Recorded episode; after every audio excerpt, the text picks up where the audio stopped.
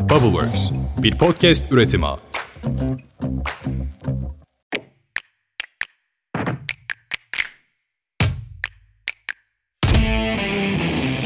Herkese selam. Bir podcast üretim ağı olan Bubbleworks Media ve gençlerin kariyer platformu Yotol ile birlikte işte bir gün podcast kanalı içerisinde hayata geçirdiğimiz özel serimiz olan Birbirimizi Anlayabiliriz'e hoş geldin.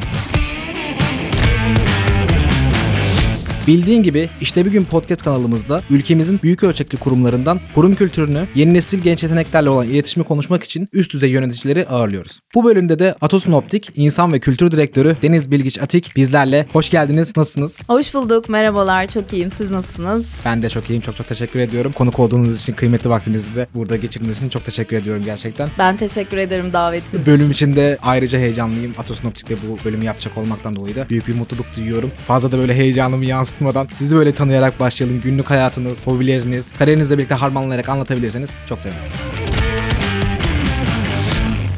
Ben heyecanımı biraz yansıtayım o zaman. Topu alayım hemen Hayır, ben sizden. daha heyecanlı gözükmeye çalıştım. Sizin heyecanlı şey olsun diye.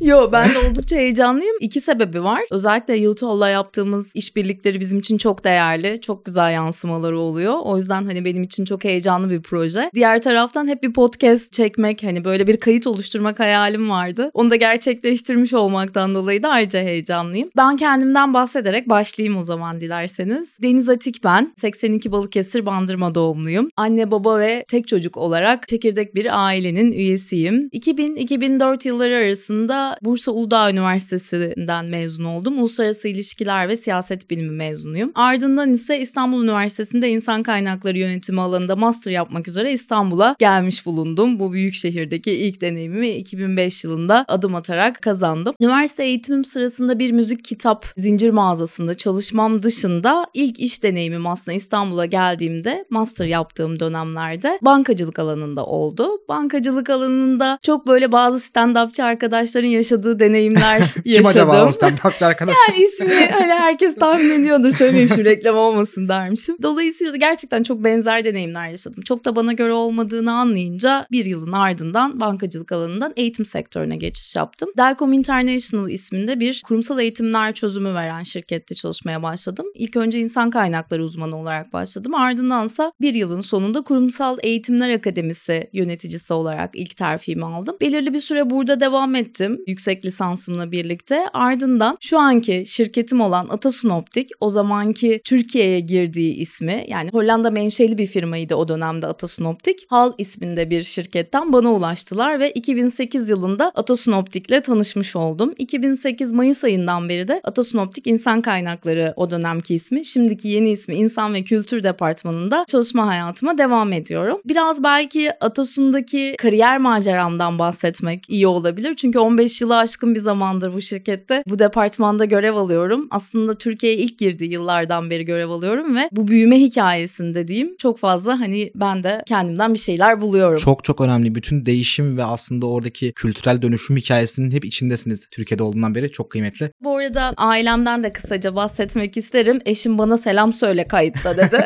Ona da buradan selamlarımı gönderiyorum. Bunu başa alalım hatta bu kısmı. Evet evet.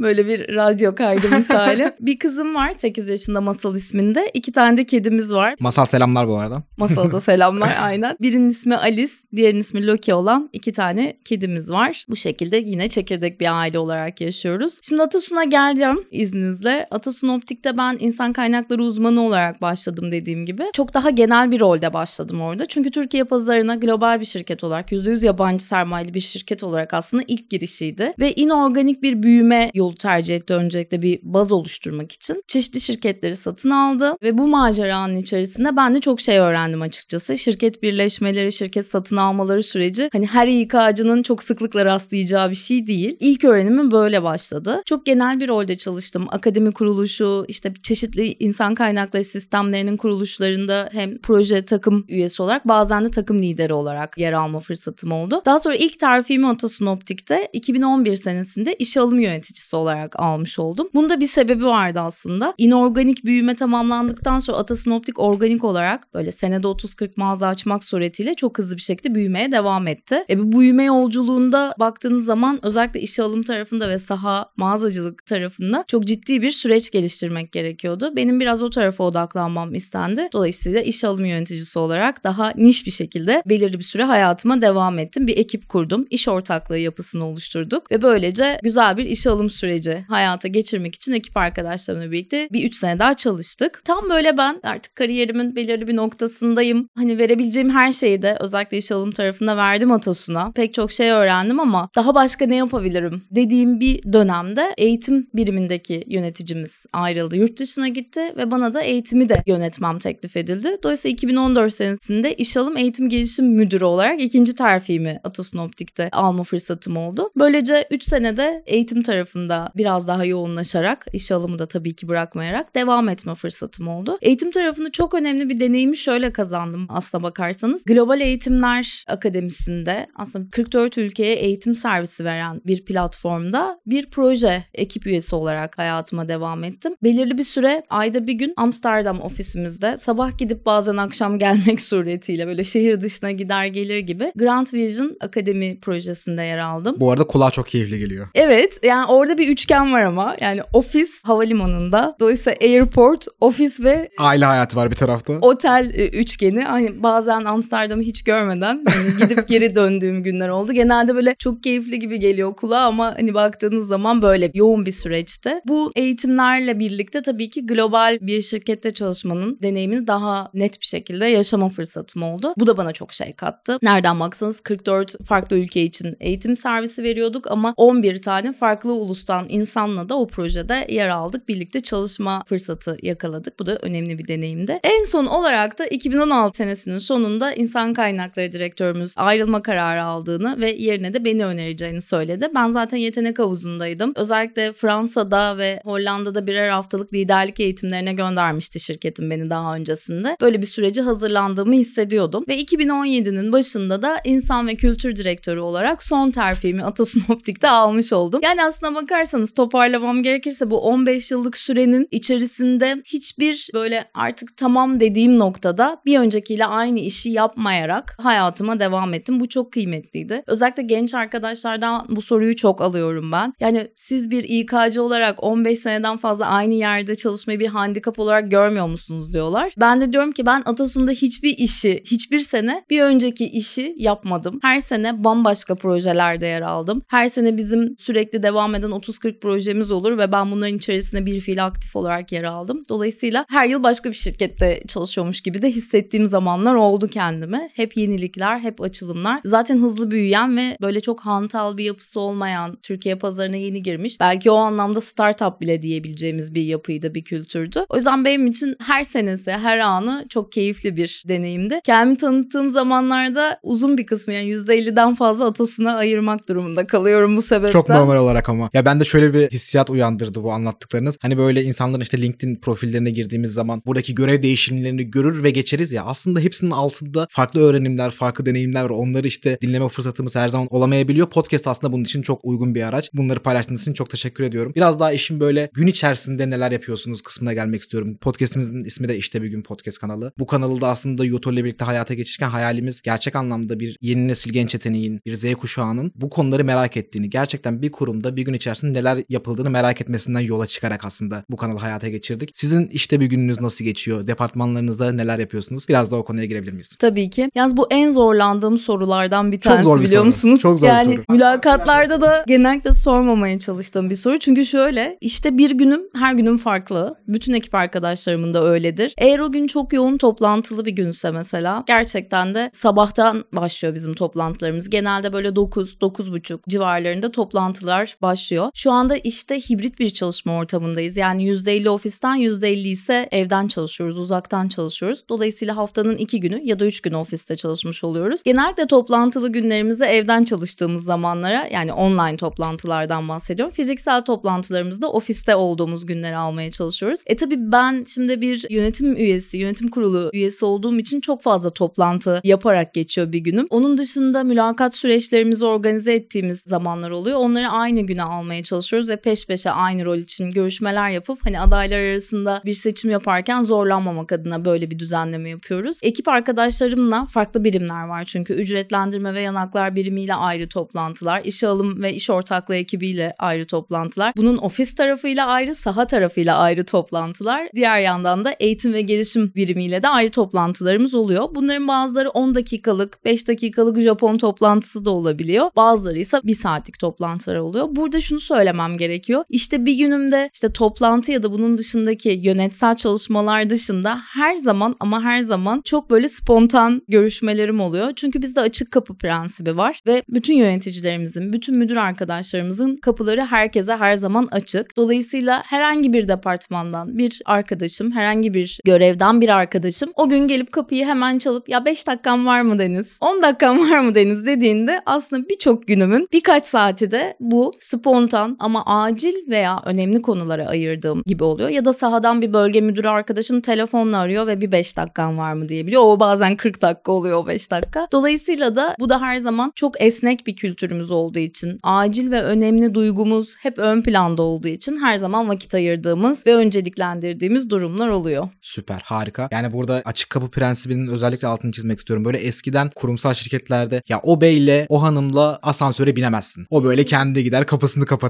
Kesinlikle konuşamazsın. Hatta yeri geldiğinde göremezsin gibi şeyler anlatılırdı bize. Şimdi bunun aslında önemi şurada. Kültürel olarak dönüşümlerin, değişimlerin son dönemde trendleri de arttı zaten. Ciddi bir dönüşüm içerisindeyiz. Burada hem kurumların da dünya meselelerinin sorunlarını böyle kendilerine dert edinmesi ve bunu aslında uygulamaya geçmesi hem işte sizin gibi değerli profesyoneller için çok önemli hem de yeni nesil için çok çok kıymetli. Biz de aslında biraz daha böyle hatta biraz daha sorgulayıcı olabiliyorlar yeni nesil. Kesinlikle. Bunu yapıyor musun, şunu yapıyor musun diye şirketleri sorgulayabiliyorlar. Bu kapsamda böyle birkaç da soru soracağız size. Şu anda Atasun Optik'te kurumun geçmiş kültürü, mevcut kültürel yapısı ve aslında gitmek istediği yolculuktaki dönüşümü biraz açabilir misiniz? Tabii hemen açayım. Şimdi en baştan Hollanda menşeli Grand Vision isminde bir şirket bana ulaştı demiştim. Geçtiğimiz dönemde bizim Türkiye'de hizmet vermeye başladığımızdan bu yana Grand Vision hisselerinin devriyle beraber Essilor Luxottica grubuna dahil olduk. Bir buçuk yıllık bir transformasyon sürecinden geçtik. Essilor Luxottica olarak dünyanın en sevilen ve aslında en tanınan gözlük ve gözlük markalarından bazılarına ev sahipliği yapıyoruz. İşte bunlardan en çok bilinenler Ray-Ban, Oakley, Persol gibi tamamen üretimi... Severek takip ettiğimiz. Değil mi? Severek takip ettiğimiz. Her sene sezon açılışlarında özellikle takip ettiğimiz belki de. Bu bahsettiğim markalar birinci sınıf çerçeve markalarımız. Ama bunun dışında Transition, Varilux, Crizzle gibi cam markaları da üretimi yapıyor. Sadece dünya devi olarak bir perakendeci ya da sadece Ray-Ban üreticisi değil aynı zamanda çok büyük bir cam üreticisi Essilor Luxottica. Gerçekten de işinde çok uzman, çok dünya çapında büyük bir şirketiz. Atasun Optik de aslında bilinenin aksine bir global şirket. 2007 yılında Türkiye pazarına girerek Türkiye'deki faaliyetlerine başlıyor. Buradan sonra hani devam etmek gerekirse eğer şu anda dünya çapında 18 binden fazla mağaza ağı ve 180 binden fazla çalışanıyla faaliyet gösteren büyük bir ailenin Türkiye'deki aslında bacağıyız. 70'ten fazla ilde 340'tan fazla da mağaza ağımızla hizmet veriyoruz diyebilirim. Bir misyonumuz var bizim. İyi görme ve iyi görünmeyi herkese ulaştırmak. Bu misyonumuz çerçevesinde bütün deneyim tasarımını da aslında bu misyonumuz çerçevesinde gerçekleştiriyoruz diyebilirim. İyi görme ve iyi görünmeyi herkese ulaştırmak ve misyonuyla hareket ederken tabii ki yaptığımız her işte müşteriyi odağımıza alıyoruz. Tüketicilere güvenilir ürünler ve kaliteli bir hizmet sunmak her zaman en önemli önceliğimiz arasında yer alıyor diyebilirim. Bir yandan bu anlayışımız sonucu da yakın zamanda sektörde bir ilke imza attık. Onu da paylaşmak istiyorum açıkçası. Uluslararası bir kuruluş olan TÜV İtalya, TÜV grubunun onayıyla ayrıntılı bir denetim sürecinden geçtik ve ISO 13485 kalite belgesini almaya hak kazandık. Bu belgeye hak kazanan Türkiye'deki ilk ve tek optik perakende şirketiyiz. Hani onun da altını çizmek isterim. Biz yaptığımız her işte mutlaka bir ödül ya da bir bu tarz hani dünya çapında standartları olan bir kuruma başvurarak belgelemeyi çok Aslında önemli buluyoruz. bir çıktısı olması bunu e, ölçümlemiş oluyorsunuz. Çünkü böyle kurumlar çok iyi işler yapıyorlar. İçeride böyle kendilerini dönüştürmek için, geliştirmek için, müşterilerine çok iyi hizmetler sunmak için gerçekten büyük bir çaba sarf ediliyor. Bunun da en güzel neticelerinden bir tanesi sizin de yapmış olduğunuz gibi bir ödülle, bir çıktıyla, bir raporla aslında desteklenmesi oldukça kıymetli. Çok teşekkür ederim bunu da aktardığınız için. Kesinlikle. Bir yandan da şimdi oradan devam edersek belki de şunu eklemek gerekir. Mutlu müşterilerin mutlu çalışanlardan geçtiğini biliyoruz. Bu çok klişe gibi gözükse de gerçekten deneyim odaklı bir yolculuk yaratmaya çalışıyoruz. Hem müşterilerimize güzel bir deneyim sunmak olmak hem de çalışan deneyimini de her zaman odağımızda tutmak gibi bir gayemiz var Atasun Optik olarak. Bu nedenle çalışanlarımızın mutluluğunun sahada her gün müşterilerimize çok ciddi anlamda yansıdığını, onların aldıkları inisiyatifin, onlar çünkü bizim sahadaki yüzümüz, vitrinimiz hem de pandemi gibi işte deprem gibi maalesef çok çok olumsuz süreçlerde de sahadaki kahramanlarımız aslına bakarsanız. Dolayısıyla da bir Hayat Boyu Atasun isminde bir program başlattık. Hayat Boyu Atasun programı çatısı altında da hem çalışanlarımız hem de müşterilerimiz için yaşatacağımız deneyimi yol haritasını her sene gözden geçiriyoruz. Mutlaka bu konuda belirli yatırımlar yapıyoruz. Burada biz Atasun Optik olarak her zaman deneyimlere değer veren bir şirketiz dedim. Genellikle şu şiarlarla yola çıktık. O beni anlar, ben ona güvenirim dediği bir marka olmak istiyoruz. Hem çalışanların hem de müşterilerimizin. Dolayısıyla da bu anlayış üzerine bu programı hem kusursuz müşteri deneyimi hem de kusursuz çalışan deneyimi üzerine tasarlamaya çalışıyoruz. Tabii bundan bahsederken tüm çabamız hem iç hem dış müşteri dedik. DNA'mıza da yerleştirmeye çalıştık. Şimdi burada tam olarak sertifikasyondan bahsedince şunu da söyleyeceğim. Great Place to Work yani Türkiye'nin en iyi işverenleri ödül kapsamında başvurularımız oldu bugüne kadar. İki seferde üst üste Great Place to Work ünvanını, sertifikasına sahip olduk. Türkiye'nin en iyi iş yerlerinden biri seçildik. Daha bu içinde bulunduğumuz senenin başında da yine sertifikamızı aldık. Geçen hafta çok yeni bir sertifikasyon sürecinden mutlu bir sonuç aldık. O da yine Great Place to Work biliyorsunuz uluslararası bir platform. Dünya genelinde reputasyonu çok da güçlü bir platform. Ciddi bir denetimden geçiriyor sizi. Aynı zamanda da tüm çalışanlarınıza bir anket yayınlıyor ve onların ağzından dinliyor aslında sizi. Ve bunun sonucunda bu sertifikayı veriyor. Geçen hafta aldığımız güzel haber de şu Great Place to Work for Women. Yani Türkiye'nin en iyi iş yeri olmak dışında Türkiye'de kadınlar için de en iyi iş yeri olma ünvanına da sahip olmuş olduk. Bunu da arkadaşlarımızla mutlu bir şekilde kutlayacağız. Süpermiş, harikaymış gerçekten. Yani o kadar dolu dolu şeyler anlatıyorsunuz ki aklıma durmadan böyle ekstra böyle değişmek istiyorum bütün konu başlıklarını. Bölümden önce de konuşmuştuk zaten. Çok fazla anlatılacak şey var. Bu soru setinde sormaya başlamadan önce kurumların kültürel yapılarını gösteren önemli faaliyetlerden işte bazıları inovatif yaklaşımları, toplumsal cinsiyet eşitliğine olan duyarları, sürdürülebilirlik ve sosyal etki odaklı çalışmaları, yürütülen bu çalışmalar. Siz bu konularda neler yapıyorsunuz? Aslında genel olarak çalışan mutluluğu için bahsettiniz. O konuyla ilgili neler yapıyorsunuz? Bunları da duymak isteriz. Tabii ki. Çalışan mutluluğu çok önemli. Bundan bahsettim az önce. Bununla ilgili bir sürü çalışmamız var elbette. Her gün bir deneyim yaşatıyorsunuz. Her günü sıfırdan tasarlamanız gerekiyor. Bunun böyle işte çalışan değer önermesi deniyor. Son yıllarda moda kavram. İngilizcesi EVP, Employee Value Proposition ama aslında çalışan değer önermesinin genel olarak en basit kavramı çalışan deneyimi basitçe. Dolayısıyla bu böyle bir yıl içerisinde tekrar tekrar revize ettiğiniz bir şey oluyor. Bir yandan bunun içerisinde özellikle gençlerin de çok önemsediği ya da tüm çalışanların çok önemsediği bir konu çeşitlilik ve kapsayıcılık söylediğiniz gibi. Bu kavramda bütün kurumları pek çok açıdan çok fazla ileriye götüreceğine inandığımız bir kavram. Bu iki ilkeyi merkezine alan bir kurum kültürüne sahibiz biz. Bu konudaki veriler ve araştırmaları takip ederek kapsayıcılık üzerine İK stratejimizi her sene ya da her gün zenginleştirmeye çalışıyoruz diyebilirim. Bizim bir manifestomuz var. Çeşitlilik ve kapsayıcılık manifestomuz Atasun'un. Burada şunu söylüyoruz. Atasun Optik'te yaş sadece bir sayıdır. Kapsayıcı kültürümüzü dilimize ve iş yapış şeklimize yansıtırız. Dolayısıyla da kapsayıcılığı şirketimizdeki çalışan deneyiminin ayrılmaz bir parçası olarak gördüğümüzü ifade ediyoruz bu manifestoda. Özellikle de herhangi bir sebeple ayrımcılığa fırsat vermediğimizi ve bu anlamda da huzur dolu bir ortam yaratmaya çalıştığımız ve herkes için bunu yapmaya çalıştığımızı anlatıyoruz. Mesela bir örnek vereyim. Atasun Optik Kadınlarıyla Güçlü diye bir platformumuz var aynı zamanda. Bu sloganın da etrafında şekillenen pek çok çalışmamız var. Sadece bir slogan değil. Kadınların iş gücüne katılımını artırmayı ve iş hayatında eşit koşullarda varlık gösterebilmelerini çok önemsiyoruz. Bunun için işe alım süreçlerinden tutun da iç terfi süreçlerine kadar sürece ne kadar kadın adayının katıldığını kontrol ediyoruz. Aynı zamanda ücretler arasında da bir farklılık olmaması için bunları kendimize bir hedef stratejik anahtar göstergesi olarak alıyoruz. Bunlar bizim için gerçekten çok çok önemli. Cinsiyet dengesini sağlamak dedik. Bunun dışında tabii ki her yaştan, her jenerasyondan insanı barındıran bir bünyeyiz. Bunun da çok farkındayız.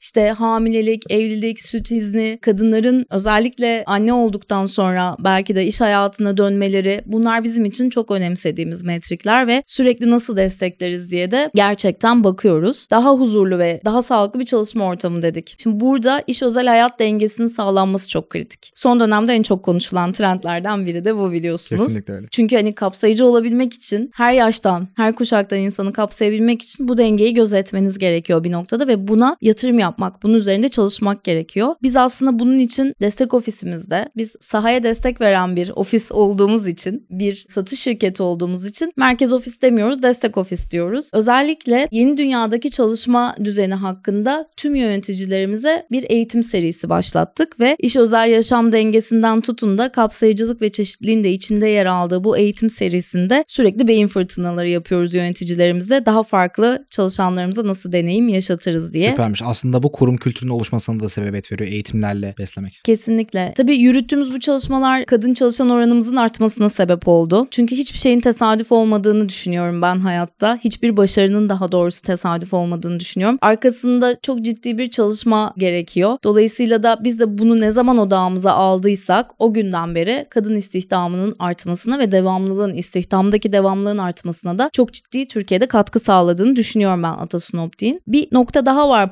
paylaşmak istediğim. Çalışan mutluluğunu ve deneyimini odağımıza alarak hayata geçirdiğimiz projelerimizden bir tanesi de Türkiye Eğitim ve Gelişim Platformu Derneği TEGEP'le yaptığımız bir işbirliği. TEGEP Öğrenme ve Gelişim Ödülleri yarışmasında bu işbirliğinin sonunda işe başlangıç ve oryantasyon kategorisinde gümüş ödüle layık görüldük. Bu ne demek? Biliyorsunuz yine bir sürü çalışma arkadaşımızın çok önemsediği bir konu iş yerindeki ilk günü. Yani özellikle benim gibi 15 yıldır aynı yerde çalışan hani evi gibi gören iş yerini biri için mesela ciddi bir körlük alanı. Dolayısıyla da bunu gözden kaçırmadan her gün yeni işe başlayan arkadaşlarımız için oryantasyon sürecini daha mükemmel nasıl yaparız? Onları alışma sürecinde nasıl daha çok destekleriz? Buna da bakıyoruz mutlaka Harikaymış. ve bu ödül de aslında tekrar başta konuştuğumuz gibi bir kanıtı belgesi diyebilirim. Süper tebrik ediyorum gerçekten. O kadar önemli bir noktaya değindiniz ki gerçekten yıllar boyunca şirketlerde yeri geliyor bir problem o kadar çok içselleştirilmiş oluyor ki aslında o bir problem olmaktan çıkıyor ona göre davranmaya devam ediyoruz. Onun için yeni başlayanların o dışarıdan bir gözle baktığı anı yakalamak çok çok değerliymiş, çok kıymetliymiş. Aslında biraz böyle bizim podcast kanalımızın dinleyicisi oldukça büyük bir oranda yeni nesil genç yetenek diye tabir ettiğimiz dostlarımız, arkadaşlarımız. Burada sizin yürüttüğünüz programlar neler? Varsa biraz daha böyle detaylandırabilir misiniz? Tabii ki. Gerçekten de şey çok kıymetli söylediğiniz. Onu hani altını çizmek istiyorum. Her gün yaptığımız her işe ilk defa yapıyormuş gibi bakmak gibi bir ilkemiz var bizim. Çünkü öbür türlüsü öğrenilmiş çaresizliklerle Kesinlikle. dolu. Çok minik kazanımlar elde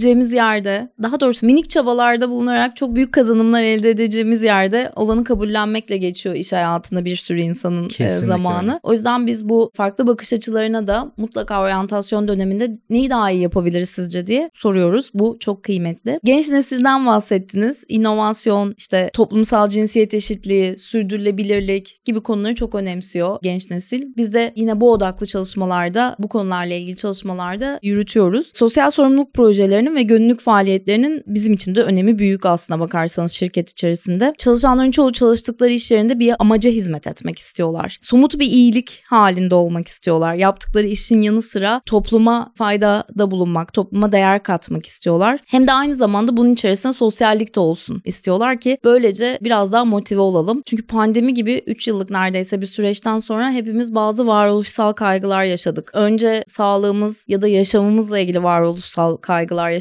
Sonra işimizi kaybedip kaybetmeyeceğimizle ilgili. Ve o sürecin içerisinden bambaşka bir nesil olarak çıktık aslına bakarsanız. Yaş fark etmeksizin. Biz de bunun çok farkındayız. İş yerinde hibrit çalışma ortamından esnek çalışma düzenine kadar. Tabii ki bunu ofis için söylemek mümkün. Mağazalarımızda müşterilerimize en iyi deneyimi yaşatmak için belli bir standartta çalışmaya devam ediyor arkadaşlarımız. Bunun dışında hani neler yapıyoruz derseniz biraz önce de söyledim Atasun'da yaş sadece bir sayı. Her yaştan arkadaşımız yani 50 yaşında bir optisyen arkadaşımız da çalışabiliyor. 25 yaşında bir mağaza müdürümüz de olabiliyor. Yine aynı şekilde ofis ortamında da aynı şeyden bahsediyorum. Amacımız farklılıklarımızı görüyoruz, yaşadıklarını dinlemek ve senden bir şeyler öğrenmek istiyoruz ve sana olduğun gibi değer veriyoruz diyebilmek tüm bu nesildeki arkadaşlarımız için. Dolayısıyla bu konsepte çeşitlilik ve kapsayıcılık yaklaşımımızı ifade eden Sabancı Üniversitesi ile İş Dünyası Ev İçi Şiddete Karşı Şirketler ağında yer aldık ve çalışanlarımızı ve toplumu bilinçlendirme noktasında da çeşitli aksiyonlar aldık. Bunlardan en önemlisi İş Dünyası Aile İçi Şiddete Karşı projesine mağaza ve destek ofisteki tüm arkadaşlarımızla eğitim gerçekleştirdik ve sonrasında da şiddet ve istismara yönelik iş yeri rehberini oluşturduk. Kendileriyle paylaştık. Şiddete maruz kalan birine nasıl yardım edebileceğimizi hep birlikte tartıştık ve kişileri nereye yönlendirebileceğimizi yine aynı şekilde kayıt altına aldık ve bu bilgileri de paylaştık. Bir yandan bir mesleki iş yapıyoruz. Sağlık sektöründeyiz ve görme kalitesiyle ilgili göz kusurlarının algılarının düzeltilmesiyle ilgili bir iş yapıyoruz. Dolayısıyla da göz sağlığı çok önemli bir şey. Dünyayı görmek çok kıymetli bir şey. Bu nedenle sektörün lideri bir şirket olarak mesleğin geleceğine de katkı sağlamak istiyoruz. Özellikle optisyenlik burs programımızdan bahsetmek isterim bu anlamda sosyal sorumluluk adına. Topluma fayda dedik ya öncelikle kendi bulunduğumuz alanda sektörde mesleğin geleceğine fayda sağlamak için yapıyoruz bunu. Burada ne yapıyoruz? Optisyenlik öğrencilerine aslında başarılı ama özellikle finansal anlamda çok güçlü olmayan optisyenlik öğrencilerimize her yıl 100 kişiye hatırı sayılır oranda bir burs verdiğimizi aslında düşünüyorum ben. Bunun dışında bu sadece hani maddi bir destek olarak kalmıyor. Bir komite yarattık. Bu komiteyle birlikte staj, işte webinarlara katılma, kendini orada eğitme gibi fırsatlar da yaratıyoruz bu arkadaşlarımıza. Dolayısıyla daha öğrenciyken Atasun Optik olarak hani orada katma değer yaratmaya ve sonrasında da mümkünse eğer mezun olduktan sonra da birlikte yola devam etmek gibi bir hedefi var bu programın. Ondan bahsedebilirim. Staj programımızın ismi VR Next. Burada da her sene 200'e yakın optisyenlik öğrencisine staj imkanı sağlıyoruz bir diğer yandan. Üniversite ziyaretlerimiz var ve her sene arttırarak üniversitelerdeki öğrenci arkadaşlarımız hocalarımızı ziyaret ediyoruz. İnsan ve Kültür Direktörlüğü olarak neler yapıyoruz bundan bahsediyoruz. Arkadaşlarımızın sorularını cevaplıyoruz ve bir yandan da özellikle devlet üniversitelerinde optisyenlik bölümlerinde atölye dersleri var. Fakat cam kesmek için çerçeve cama ihtiyacı var bu okullarımızın ve arkadaşlarımızın. Oralarda da Atasun Optik olarak yine aslında sponsorluk desteğimizi esirgemiyoruz diyebilirim. Çok şey var ama nefes almadan konuştuğumu fark ettim. Çünkü o kadar çok şey var ki gerçekten Kesinlikle anlatacak öyle. diye de düşündüm. Tam onu söyleyecektim. Aslında böyle bölümün başlarında da şey demiştiniz de bir günün nasıl geçiyor? Toplantılarla geçiyor. Ben direkt dinleyicilerimize sesleneyim burada. Arkadaşlar bu kadar çok şey yapabilmek için bu kadar çok toplantıya girmek gerekiyor. Arkada çok fazla emek göstermek gerekiyor. Bunları böyle saymak da değil aslında hepsinin arkasında bir hikaye olduğunda eminim siz anlıyorsunuzdur. Hepsi böyle dolu dolu anlatılıyor. Yani çok kolay değil. Böyle aklımda o kadar çok şey kaldı ki bunları hayata geçiren bir kurumdan bahsediyoruz. Peki bu kurum sizin için bu kadar çalışıyor. Yeni nesil gençler için emek sarf ediyor. Maddelerce şeyler saydık. Peki siz gençlerden neler bekliyorsunuz? Gençler de sizin kapınızda çaldığı zaman nasıl hazırlanmaları gerekiyor? Neler yapmaları gerekiyor? Yani öncelikle şunu söyleyebilirim. Özellikle saha tarafında ve optisyenlik alanında bize katılmak isteyen arkadaşlarımız için az önce de bahsettiğim gibi her yaz döneminde yüzün üzerinde arkadaşımıza VR Next staj programında imkan sağlıyoruz. Öncelikle buraya başvurarak hem bizim onları tanımamıza hem de onların aslında bizim nasıl bir kurum kültürü olduğumuzu görmelerine imkan verebiliriz. Çünkü daha fazla genç staj olanaklarının ne kadar kıymetli olduğunu her gün günümüzde fark ediyor. Biz de hani burada yer alıyoruz her zaman. Kendini geliştirmek isteyen tüm arkadaşlarımız için de bu yolculukta bir arada olmak isteriz. Bir diğer yandan ofis tarafındaki çalışan arkadaşlarımız ve oradaki departmanlarda da her yaz mutlaka staj imkanı sunuyoruz. Çeşitli departmanlarda bilgi güvenliği departmanı ya da satış departmanı ya da pazarlama insan ve kültür departmanı hepsinde stajyer arkadaşlarımıza yer veriyoruz. Ben bunun çok önemli olduğunu düşünüyorum. Bununla beraber her yaz Sunshine dediğimiz sezon açılmadan önce ve sezon açıldıktan sonra böyle bir 3 ila 5 ay devam eden bir dönemsel destek projemiz oluyor. Burada da ekstra insan gücüne ihtiyacımız oluyor sahada ve ofiste. Bu noktada da yine fırsatlar sağlıyoruz. Mülakat süreçleri için de genellikle şunu söyleyebilirim. Bizim için ilk baktığımız noktalardan bir tanesi kişinin iştahı. Yani motivasyon denen kavramı ben iştah olarak genellikle kendi adıma açıklıyorum. Daha altı dolmuş oldu iştah deyince sanki. Yani çünkü motivasyonun içi boşaltıldı aslında bakarsanız. O da doğru.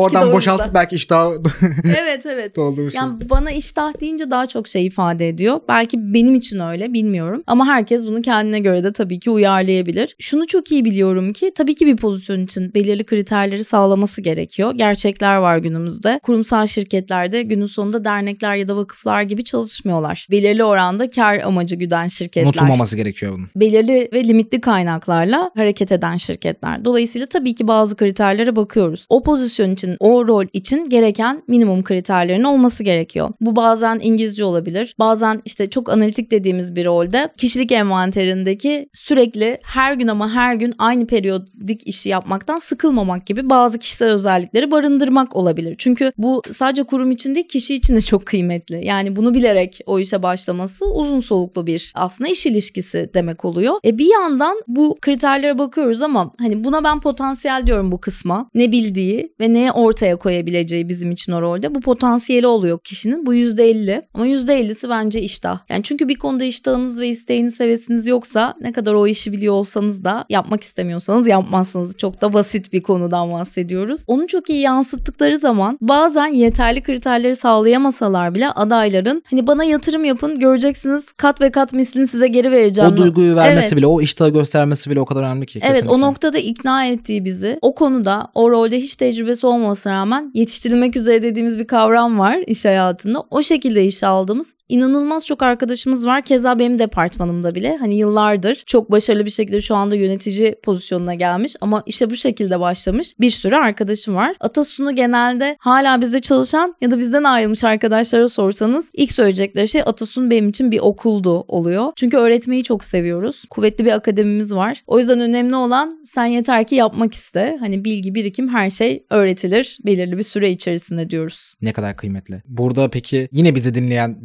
dinleyicilerimizden gideceğim. Aslında bölümde sonlarına doğru gelmeye başladık. Gerçekten e, akıyor yani şu anda. Bölüm çok da böyle bitirmek istemiyorum Aa, ama bitmek üzere mi? aynen geliyoruz artık yavaş yavaş. Nasıl olacak falan derken Geldik son soruya artık. Burada üniversitenin son senesinde olabilir ya da işte mezun olmuş olabilir. Neden sizin kurumunuzda çalışmalıyım diyen bir yeni nesil genç yeteneğe siz nasıl bir cevap veriyorsunuz? Ve aslında burada adaylarda görmek istediğiniz en temel böyle üç özellik diyorum ama bir de olur, iki de olur. Buna nasıl bir cevap verirsiniz? Bir tanesi iştah galiba. Evet yani temel özellik iştah. Siz ona heves, istek, potansiyel, motivasyon ne derseniz deyin. Bence gerçekten o çok kıymetli. Hani o pırıltı var ya bir konuya karşı duyduğunuz istek. İşte o. Yani bu bir iş olabilir. Çok heves ettiğiniz bir oyun olabilir. Almak istediğiniz ya da yapmak istediğiniz dijital bir içerik olabilir. O pırıltı olmadığı zaman çok uzun sürmüyor. O bizim için çok kıymetli. Bir de hani şunu ben özellikle önemsiyorum. Adayların kendine olan saygısını görmek. Pozisyonla, şirketle ilgili soru sorabilme cesaretini göstermelerin. Gerçekten ne istediklerini orada ortaya koyabilmeleri, neleri önemsediklerini ortaya koyabilmeleri. Çünkü aslına bakarsanız mülakat dediğiniz şey hani son aşamaya geldiğinizde bir sözleşme artık. İki taraf eşit mesafede aynı göz hizasında oturuyor bir kere. Bunu hiç unutmamak lazım. Ve iki taraf da birbirinden bir şeyler almak istiyor. Ama tabii ki orta bir yerde de buluşulması gerekiyor. Dolayısıyla onları çok açıkça ortaya koymak gerekiyor. Yani adayın benim için şu şu şu çok önemli. Böyle bir yöneticiyle çalışmak istiyorum. Benim için gelişim önemli. Bir başkası benim için kariyer önemli. Ama ilk önceliğim bu diye benim için finansal önemli. Ortaya koyması, bu şeffaflıkta olması çok kıymetli. Çünkü Atasun'da şeffaf kurum kültürü değerlerimizin en önemlilerinden biri. Ve aşağıdan yukarıda sadece yukarıdan aşağı akan bir iletişim yok. Aşağıdan yukarıda iki yönlü iletişim dediğimiz çok kıymetli bir değere sahibiz. Daha mülakat sürecinde aday bunu ortaya koyduğunda biz bunu ukalalık olarak algılamıyoruz. Tam aksine bu bizim için çok kıymetli. Altın değerinde bu arada. Altın sevgili değerinde. dostlar. Çünkü baştan konuşulduğunda hani kıymetli. Sonradan konuşulduğunda bir anlamı kalmıyor. Çünkü Sonradan konuşulduğunda bir de antipatik de bir konu aslında. İki taraf için de bir maliyeti var günün Kesinlikle sonunda öyle. baktığınızda. O yüzden hani adaylara bu konuda çok net olmalarını öneririm. Elbette ki her şirket bir görüşmeye geldiğinde bir gencin o kurumu biraz araştırmış olmasını bekliyor. Ama içi boş bir araştırmadan hani bir PR'dan bahsetmiyorum. Araştırdığı şeyler içerisinde neyi merak etti? Ben genelde mesela şunu soruyorum. Size bir soru hakkı verildi ve hani şu anda bana çok açıkça sorabileceğiniz bir soru ne olurdu? Gerçekten hani bu mülakat sürecinde değilsiniz ve hani bana böyle çok cesur bir soru sorun diyorum. Çünkü o çok kıymetli bir şey bence. Sonrasında da ortaya koyabileceği potansiyeli gösteriyor. Bununla ilgili bir örnek vereceğim size. Pandeminin ikinci yılıydı sanırım. Biliyorsunuz herkes böyle evlerinde ne yapabiliriz diye işte projeler üretmeye başladı. Biz de o dönemde şunu yaptık. Gen Z, Jenerasyon Z projesi yaptık. Üst yönetimimizle, direktör ekibimiz ve genel müdürümüzle. Dedik ki belirli bir yaşın altındaki çalışanlarımızdan bir komite oluşturalım ve onlara iki tane soru soralım. Nasıl bir Atasun çalışan için ileride, nasıl bir Atasun müşteri için ileride? Ve iki konuda da bize bazı öneri ve projelerle gelsinler. İşte motivasyona bakış açıları ne? Ödüllendirme ve takdir onlar için ne ifade ediyor? Yani öyle ya her jenerasyon için içine doğduğu dünya farklı olduğundan dolayı motivasyon ve takdir bambaşka şeyler ifade ediyor. Bizse özellikle yönetici koltuklarında olan arkadaşlarım kendileri neyden motive oluyorsa ya da nasıl takdir edilmek istiyorsa hatta bazıları takdir de neymiş gerek yok işimi yapıyorum gibi bir algıda olduğu için bunu görmezden gelebiliyor ya da gözden kaçırabiliyor. Doğru. Çok ışık tuttu Jenerasyon Z projesi. Bu bizim MT ekibi dediğimiz yönetim kurulu, icra kurulu ekibine gelip sunumlarını yaptılar. Bazılarını hayata geçirdik. Bazıları için dedik ki bu bizim kurum kültürümüze uygun değil. Çok güzel fikir ama bazı gerçekler var ve bu uygun değil. Bazılarında biraz daha uzun vadeli nasıl hani olgunlaştırabiliriz dedik. Dolayısıyla hem bakış açımızı parlattılar, cilaladılar hem de bize çok güzel düşünmediğimiz ama kazanımlı fikirler getirmiş oldular. Dolayısıyla bu da hani güzel bir uygulamaydı. Benim çok mutlu olduğum bir uygulama oldu. Süper harika gerçekten. Biz ni- niye tercih etsinler derken belki hani bu örnekle açıklamış olduğumu düşünüyorum. Şeye döndü bizi niye tercih etmesinler gibi bir şey döndü. Daha Çok ne olsun? Daha ne olsun gibi oldu gerçekten. Çok teşekkür ediyorum. Gerçekten dolu dolu bir bölüm oldu. Çok fazla şey konuştuk ve hepsinde de en kıymetlisi siz de zaten ona çok değer veriyorsunuz. Somut çıktılar görmeniz ve bunu da anlatmanız bizim için çok önemliydi. Dinleyicilerimiz için de çok önemliydi. Bu keyifli sohbet için tekrar teşekkür ediyorum. Son olarak eklemek istediğiniz bir şey yoksa yavaş yavaş da kapanışa doğru geçiş yapıyorum. Benim için de çok akıcı, çok da keyifli bir sohbet oldu. Bu fırsatı verdiğiniz için tekrar teşekkür ederim. Herkese keyifli bir gün diliyorum. Süper. Teşekkür ederiz. Evet dostlar bizi dinlediğiniz için çok teşekkür ederiz. Önümüzdeki bölümlere dek hoşçakalın.